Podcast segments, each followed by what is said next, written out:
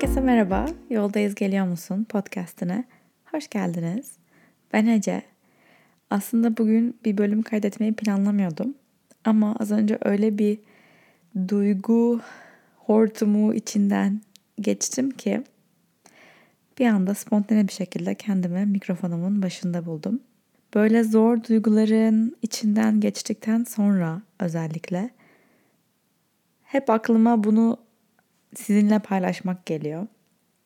Ondan öğrendiğim şeyi, öğrendiğim şeyleri aktarmak, aktarma hissi, arzusu geliyor içime. Sanırım bu artık otomatik mi oldu benim için yoksa gerçekten bunu yapmaya mı geldim bu dünyaya bilmiyorum ama şu, kendim için bunu bu şekilde tabii ki verimli bir hale yine getirdim. Hayatta her şeyi getirmeye çalıştığım gibi verimli bir hale. Bunu da kendime zor bir şey yaşadığımda, zor bir duygu yaşadığımda bundan ne öğrendim diye düşünerek sadece kendime yetmeyeceği gibi bu öğrendiğim şeyin sizlerle de paylaşmak olması benim için her şeyi, tüm o duyguyu daha yaşanabilir kılıyor diyelim. Çoğunuzun eğer bu bölüm ilk denediğiniz bölüm değilse bildiği gibi eşim Can'la beraber çalışıyoruz. Beraber bir e, iş yönetiyoruz. Ve evliliğin getirdiği sorumluluklar ve zorlukların üzerine bir de beraber çalışmanın sadece beraber çalışmak da değil yani beraber bir şirketin sorumluluğunu taşımanın getirdiği zorluklar oluyor.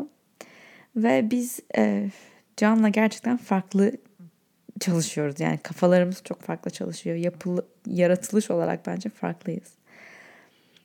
Ben çok daha type A yani çok daha düzenli, planlı, e, katı belki biriyim. Cansa çok daha esnek, e, yaratıcı. Benim kadar katı değil sonuç olarak. Bu, bölüm Can'la ilgili değil, bu bölüm benim ne kadar aslında katı olduğumla ilgili. Çünkü bugün de bu bölümü kaydetmeme ilham olan konu benim katılığımdan dolayı aslında ortaya çıktı. Ne demek katı olmak? Aslında o bölümü belki bu bölümü bu podcast'ı yıllardır dinliyorsanız ne kadar esnek olmanın öneminden bahsettiğimi de dinliyorsunuzdur. Bundan bu kadar çok bahsetmemin sebebi kendim bunu ne kadar çok yapmaya çalışmam. Çünkü ben esnek bir insan değilim. Yani olmaya çalışıyorum elimden geldiğince ama doğamda esneklik yok. Kimi insanların vardır, kimileri daha o da olur, o da olmazsa o da olur, olmazsa ne olur, başka bir şey olur falan. Böyle çok gerçekten doğalarında o akışkanlık, o esneklik vardır. Hiçbir şey böyle olması gerekiyor gibi bakmazlar. Benim hayatta kendimi eğitmemle beraber yani düşüncelerimi eğitmemle beraber bu şekilde bakabildiğim konular artmaya başladı. Fakat bazı şeylerde özellikle işle ilgili şeylerde daha doğrusu kontrol edebileceğime inandığım şeylerde hala bu esnekliği göstermem pek mümkün olmuyor diyeyim demeyeyim ama zor oluyor. Çünkü hala içimde bir yerde inanıyorum ki ben katı kurallar koyarsam ve herkesin bu kurallara uyduğuna emin olursam ve bu işleyişi, bu planlamayı yaparsam her şey yolunda gider ve olması gerektiği gibi olur ve her şey iyi olur ve başarılı oluruz ve ve en önemlisi içimde bir yerde bence gerçekten hayatta kalırız diye düşünüyorum. Yani eğer benim planladığım gibi gitmezse, benim umduğum gibi gitmezse, benim o anki zihnimde en doğrusunu kurduğum şekilde ilerlemediğini hissedersem ölürüz zannediyorum. Sadece ben değil, çevremdekiler, sevdiklerim, işim, hayatım sanki yerle bir olur gibi hisseden bir yerim var. Bu his sürekli olarak kendini bu şekilde göstermiyor. Bu his o kadar sinsi bir şekilde içimde var ki bazen fark etmiyorum bile. Sadece zannediyorum ki ya bu işin iş geliştirmek için bunu yapıyorum. İşlerin iyi gitmesi için bunu yapıyorum. Ama halbuki aslında o benim kendi kendime inandırdığım bir kamuflaj. Aslında bu kamuflajın altında o her şey benim kontrolümde, benim planladığım gibi sıkı bir takvim içinde ilerlemezse ölürüz. ölürüz diyorum ve bunun ne kadar saçma geldiğini kulağa farkındayım ama davranışlarım gerçekten böyle. Yani böyleymiş gibi davranıyorum bazen. Dünyanın sonu gelir yani gibi davranıyorum. Ve bugün bunu şöyle fark ettim yine bir durumda kızıyorum. kızıyorum ve söyleniyorum. İşte bu böyle yapılmaz. Bunu böyle boşuna mı yaptık? Böyle boşuna mı plan yaptık? Boşuna mı bunu kullanıyoruz? Şöyle yapmamız lazım. Şöyle yapman lazım gibi dır dır dır dır. Ve o anda bunları konuşurken gerçekten kafamda neden bunları söylediğimi bilmiyorum. Böyle olması gerekiyor diye inanıyorum ve o inancımı savunuyorum. Ama neden diye sorsanız bana konuştuğum, açıkladığım şeyler hani böyle elle tutulur şeyler değil. Karşımdan da cevap alıyorum. Aslında bunların böyle olması gerekmediğine dair. Ve bir yerden sonra sadece haklı olduğumu e, kanıtlamaya çalışarak konuştuğumu fark ettim. Ama o anda ego hayır geriye adım atmak için çok geç diyordu. Ve ben geriye adım atmadım atmadım ve iyice çatışıyoruz. Sonunda öyle bir noktaya geldi ki karşındaki eşim ve partnerim patladı. ve çok nadir patlar gerçekten. Sabır taşı gibi bir adam. Ee, en azından göstermez diyeyim yani patladı gözükmez. Bu sefer gerçekten hani böyle hislerini o kadar net bir şekilde dile getirdik ve o kadar aslında hani hiç hiç geride tutmadı kendini diyeyim. Ve bunu çok az yaptığı için çok etkilendim. Çünkü genelde bizim sorunumuz hani sen bana e, hislerini ve düşüncelerini paylaşmıyorsun derim ben hep. Derdimiz olur ama bu sefer o kadar net paylaştık ve aslında ağzından onlar çıkar çıkmaz ben hani bırak egoyu bütün varlığımla yerle bir oldum. Çünkü şunu fark ettim. Yüzde yüz haklı buluyorum onu. Ve her şeyimle haklı buluyorum. Olmak istediğim insan bu insan değil dedim kendi kendime. Bu bile benim için büyük bir gelişme aslında. Uzun yıllar içinde kendime baktığımda son belki 5-10 senedir kendime gelişimime baktığımda egomun ve inadımın üstünde haksız olduğumu fark edişim ve bununla beraber üzülmem bir gelişme.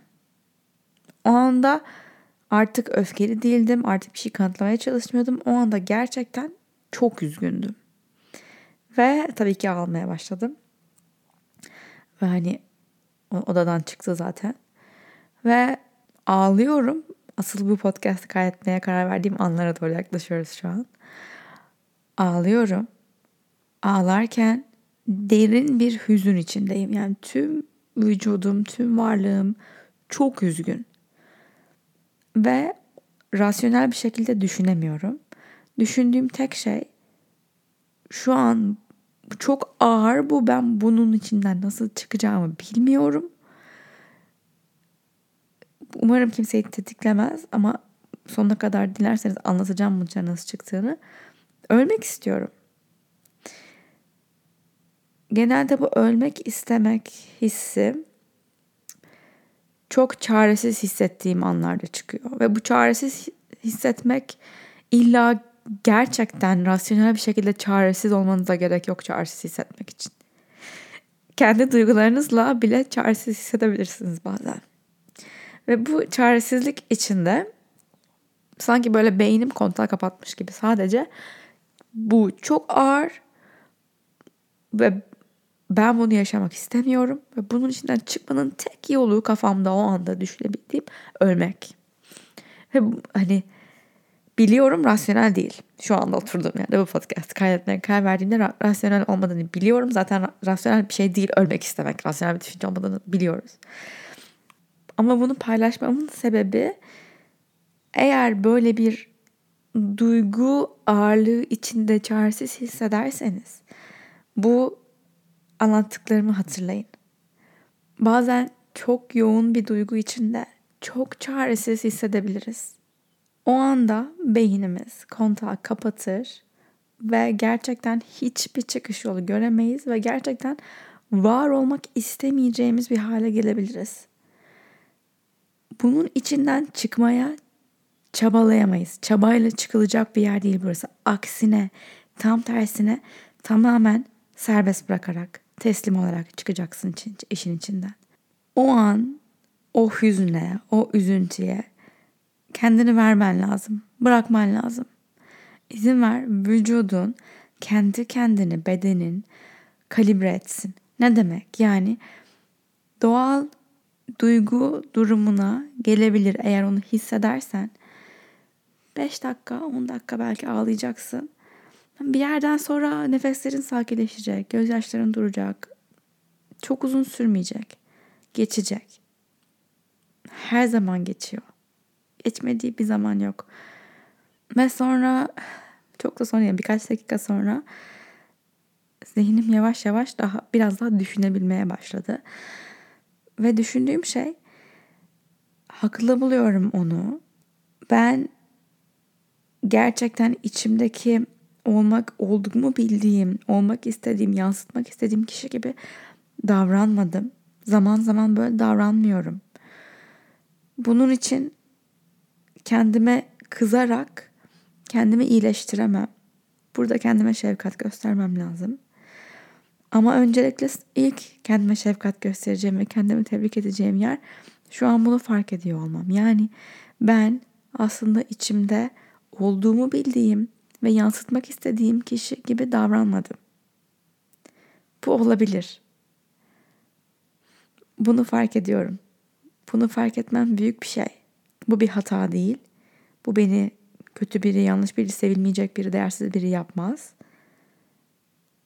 Ama ben kendi içimde kendi olduğum kişiyle rahat olabilmek için bu bu hüznü yaşamamak için yani hüzün tabii ki hayatın her anında var ama o anda yaşadığım hüzün, üzüntü gerçekten olduğumu bildiğim biri var.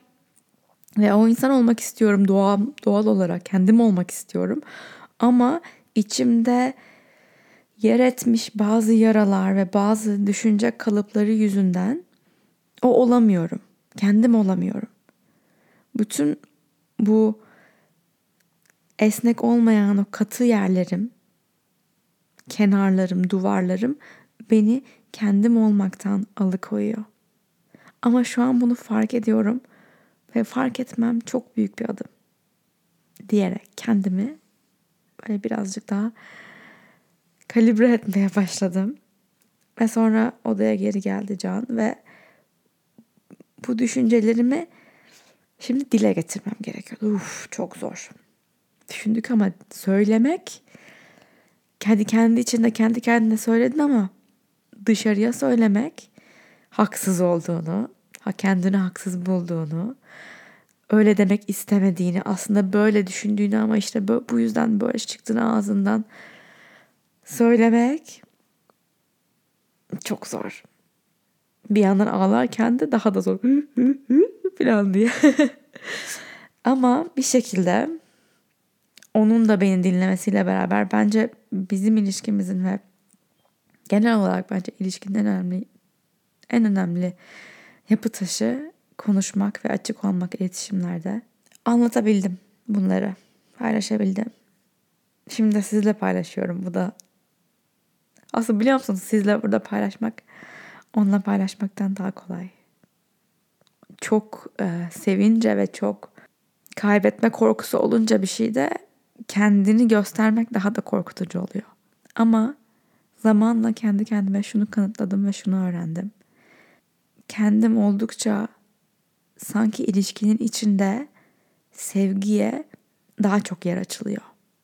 Gerçekten böyle hani bu kadar daha da sevilmez herhalde dediğin yerde birazcık daha o kırılganlığını açtığında o nasıl söyleyeceğim diye zorlanarak düşündüğün şeyleri paylaşabildiğinde böyle bir Aa, bir kapı daha açılıyor sanki ve daha çok sevgiye yer açılıyor ilişkinin içinde. Benim bu katı oluşum bazı şeylerde geçen gün düşünüyordum ve not aldım. Hani rahatına düşkün diye bir laf vardır.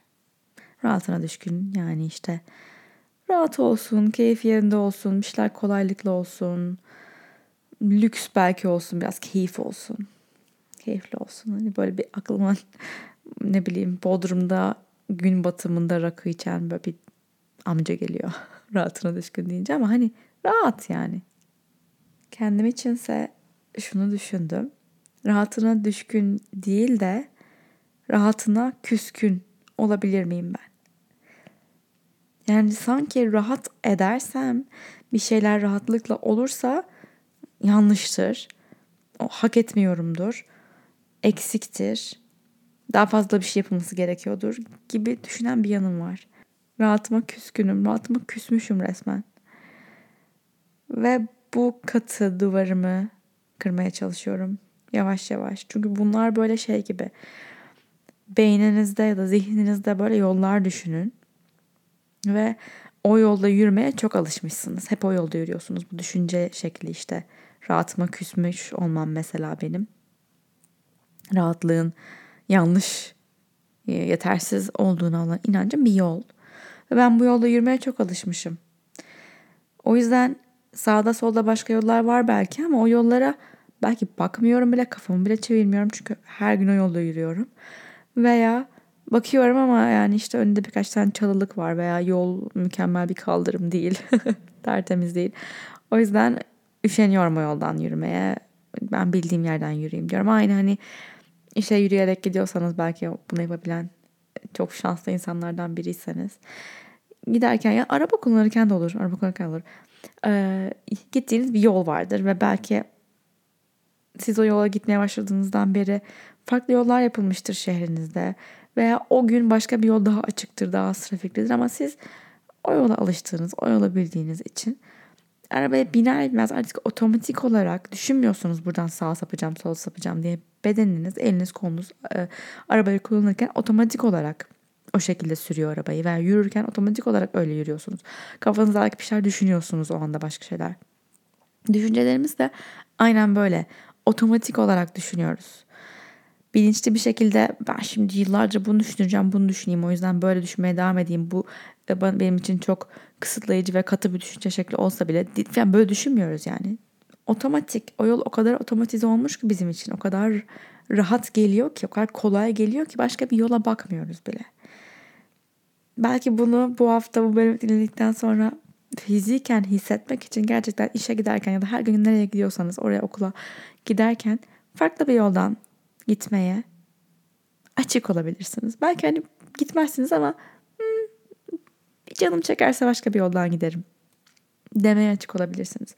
Bu kanalları, düşünce kanallarımızı değiştirmek, yeni bir kanal açmak hiç kolay bir şey değil. Hiç değil. O yüzden aa işte şu anda kendime kızmıyorum mesela. Biliyorum bu düşünce yapısının bana iyi gelmediğini, ilişkime iyi gelmediğini, muhtemelen işime de iyi gelmediğini, ne kadar işime iyi geldiğine inansam da Can şey diyordu mesela senin ben diyorum katıyım. Ee, çok katıyım bazen bu iyi değil diyorum. Can da diyor ki ha ben öyle bakmıyorum ona işte tabii birazcık da beni sakinleştirmeye çalıştığını düşünüyorum ama evet bak her zaman öyle olmak iyi değil belki ama bence sen kararlısın ve bu iyi bir şey ve bunu eğer sen doğru kullanmayı öğrenirsen bu senin işine yarayacak bir özelliğin. Ama ben sürekli sadece kararlılık yolundan gitmeye çalışırsam o işte çok katı bir kararlılık olmaya başlıyor. Deniyorum. Gerçekten ufak ufak zihnimden geçen düşünce yollarına yeni yollar eklemeye çalışıyorum. Mesela yabancılarla konuşmak benim için çok zor bir şey. Yani ben her ne kadar şu an burada belki binlerce insana konuşuyor olsam da karşımda değilseniz sesi görmüyorum. Bu benim için bunu yapmayı kolaylaştırıyor. Ee, gerçekten sokakta birini görüp bir şey sormak mesela çok zor benim için. Hatta şu kadar zor öyle örnek vereyim. Çocukken ben en büyüktüm. Bir kardeşim bir de küçük kuzenim vardı. Hep beraber büyüdük biz. Ve tatildeyiz diyelim hep beraber ve garsondan limonata isteyeceğiz. Ve diyorlar ki hani en büyük benim yani ara, benden bir küçüğün arasında 3 yaş fark var aramızda. Hani ben 7 yaşındaysam o 4 yaşında yani. Ece e, hadi hepiniz için limonata söyle diyor. Ben direkt kuzenime şey yapardım. Hadi git sen söylesene. Söylesene hadi sen söyle yaparım. Çünkü söyleyemezdim. Yani ben çok utanırdım. Çok utangaçtım. Şu anda o utangaçlığım çocukluktan gelmesine neden oldu bilmiyorum çocukken bu kadar. Belki sadece yapımda var ama bunu yapmaya yapmaya yani ben utangacım ben konuşamam insanlarla diye diye yine beynimde bir düşünce yolu açtım kendime. Kendimi hiç çıkarmadım o yolun dışına. Her ne kadar YouTube ve podcastla ve Instagram'la yabancılarla konuşuyor olsam da yüz yüze olarak söylüyorum. Yani birini tanımadığım birinin yanına gidip benim kim olduğumu bilmeyen birinin yanına gidip konuşmak zor geliyor. Fakat bunu aşmak istiyorum. Ve aşmam için denemem gerekiyor. Geçen gün bizim burada bir tenis kortumuz var. Tenis kortu da şey e, rezervasyonlu değil açık herkese. Boşsa girip oynayabiliyorsunuz. Doluysa içerideki oynayan kişinin 40 dakikası var. Maksimum 40 dakika oynayabiliyor. Sonra sıradakine vermesi gerekiyor kortu. Biz oturduk bekliyoruz. Birileri oynuyor. 40 dakika oldu. Ben tabii ki her saate bakıyorum. Hmm, 40 dakika 40 dakika olunca hemen hemen çıkmaları lazım yalnız 40 dakika olunca falan diyorum. 40 dakika oldu. Çıkmıyorlar bunlar hala hiç duracak gibi bir halleri yok. Dedim ki Can söylesene bitti onların süresi 40 dakika oldu. Beklediğimizi söylesene söylesene. Can dedi ki sen söylesene. Tamam dedim ya. Söylüyorum gittim. Excuse me. E, ne kadar kaldı acaba e, oynamanız? 40 dakika oldu da biz bekliyoruz falan. Dediler ki Aa, siz mi bekliyordunuz? Sizi görmedik biz. Başka birileri daha bekliyor bu arada. E, şuradalar dedi. Onlara gösterdi. Demek oluyor ki yani kim önce geldiyse onun sırası şu an ama kimin önce geldiğini bilmiyoruz. Ben de tamam dedim. Gideyim onlara sorayım. Gittim. Merhaba işte biz sıra bekliyorduk ama siz ne zaman geldiniz falan. Ee, çok kibar bir şekilde şey yaptılar. Aa öyle mi? Siz biz aslında galiba siz bizden önce geldiniz. Biz sizi gördük. Siz oynayın o zaman. Biz bekleriz falan dediler. Kibarlık. Medeniyet. Tamam o okey teşekkürler falan dedim. Ondan sonra dedim onlara bitmiş. Onlar sıra bizdeymiş diye. Tamam dediler. İki dakika sonra çıktılar. Bu benim için büyük bir şeydi. Yani gerçekten kendimle gurur duydum. Dünya için küçük, benim için büyük bir şey. Ondan sonra bu ilk, bu bir ay önce falan oluyor. Ondan sonra yavaş yavaş bunu daha fazla yapmaya çalıştım. Üç kere saydım çünkü yani üçü de büyük bir olay. Yolda gördüğüm birine birinin kıyafetini beğendiysem iltifat ettim. İki tanesine e, iltifat ederken ben bisiklet sürüyordum. Onlar yürüyorlardı. Yanlarından geçerken uzaktan gördüğüm kıyafetlerini beğendim. Yanlarından geçerken de nice outfit. Güzel kıyafetin çok güzel dedim. İkisi, ikisinden birincisi aşırı mutlu oldu. Yani böyle gözlerin içi falan parladı. Sanırım Elde da çok uğraşmış kıyafetini hazırlarken. Çok teşekkürler falan dedi. İkincisi daha böyle cool. Teşekkürler. Biliyordu kıyafetinin güzel olduğunu sanırım. Teşekkürler falan oldu. Ama sanırım kulaklığı vardı bir de duymadı emin değilim. Ama etkilenmedim. Yani böyle hani işte istediğim, istediğim kadar çok tepki vermedi. Çok sevilmedi diye hani bir zihnimde bir şey oluşmadı. Yeni bir yol oluşmadı öyle. Ya da eski yoluma dönmedim.